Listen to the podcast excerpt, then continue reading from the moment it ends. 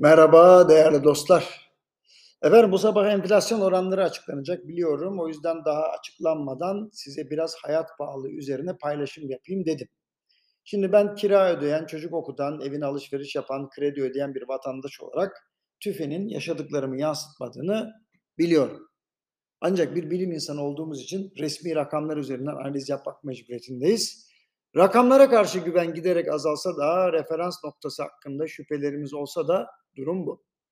Ücretlerin satın aldığı ürünler her ay azalırken ücret artışlarının pansuman niteliğinde bile olmadığını bizzat tecrübe ediyorum. Merak etmeyin. Dolayısıyla sabah raporlarında çoğu zaman ücret artışları yaparak enflasyonla mücadele edilemeyeceğini söylüyorum. Ancak bu sözlerim bazen yanlış anlaşılıyor ve bazı kesimlerin tepkisini çekiyor. Halbuki söylediğim basit.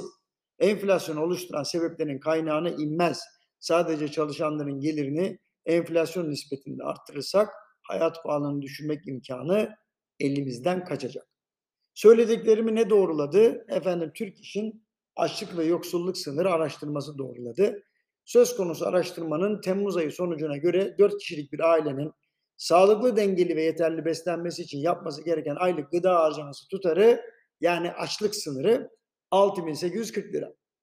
Gıda harcaması ile giyim, konut, ulaşım, eğitim, sağlık ve benzeri ihtiyaçlar için yapılması zorunlu diğer aylık harcamaların toplam tutarı diğer ismiyle de yoksulluk sınırı 22.279 lira.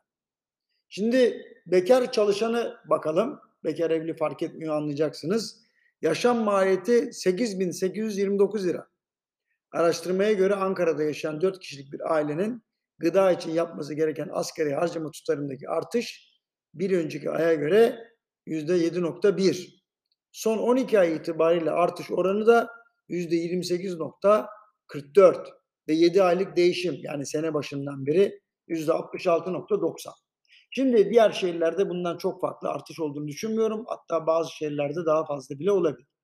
Tüm bunlar bize gösteriyor ki ekonomiyi soğutmadan ve tüketimi frenlemeden enflasyonu düşüremeyiz. Ancak seçime giderken fiyatları yükseltmeyin, arzı da arttırın diyerek reel kesimi coşturmaya çalışmanın kaynak vermeden başarılı bir sonuç vereceğine inanmıyorum.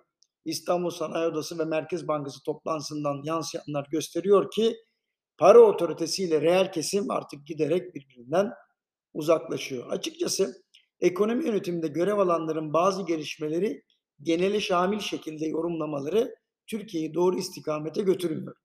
Ucuz kaynakla döviz almış olanları açıklama tehdidinde bulunmak yerine buna fırsat vermeyecek uygulamaları ortaya koymak daha akılcı bir davranış olacak diye düşünüyorum. Kimse alınmasın. Yani ucuz kaynak bulmuş, döviz ödemesi var. Kenara döviz atmış. Vay işte sen buna nasıl yaparsın? Şimdi bu pek yakışık almıyor. Yani açıklarım ha falan demek de iyi değil. En iyisi onu demek yerine direkt açıklayacaksın. Ha ama kanun gereği açıklanamıyorsa o zaman bu tarz söylemlerden uzak durulacak. Hem kurumsallık adına hem de günahı olmayan olanları da yani günahı olmayanları da kızdırmamak adına bunu yapmayalım. Şimdi herkesi böyle genele şamil sen döviz topluyorsun dediniz mi o zaman iş yapan insanı kızdırıyorsun. E yapamayacaksan da o zaman söylemeyeceksin. Ya söylersen de işte dikkate alınmıyor. Bu kadar basit. Ciddiye alınan kurumlara ve ciddiye alınan yöneticilere ihtiyacımız var. Hoşçakalın efendim.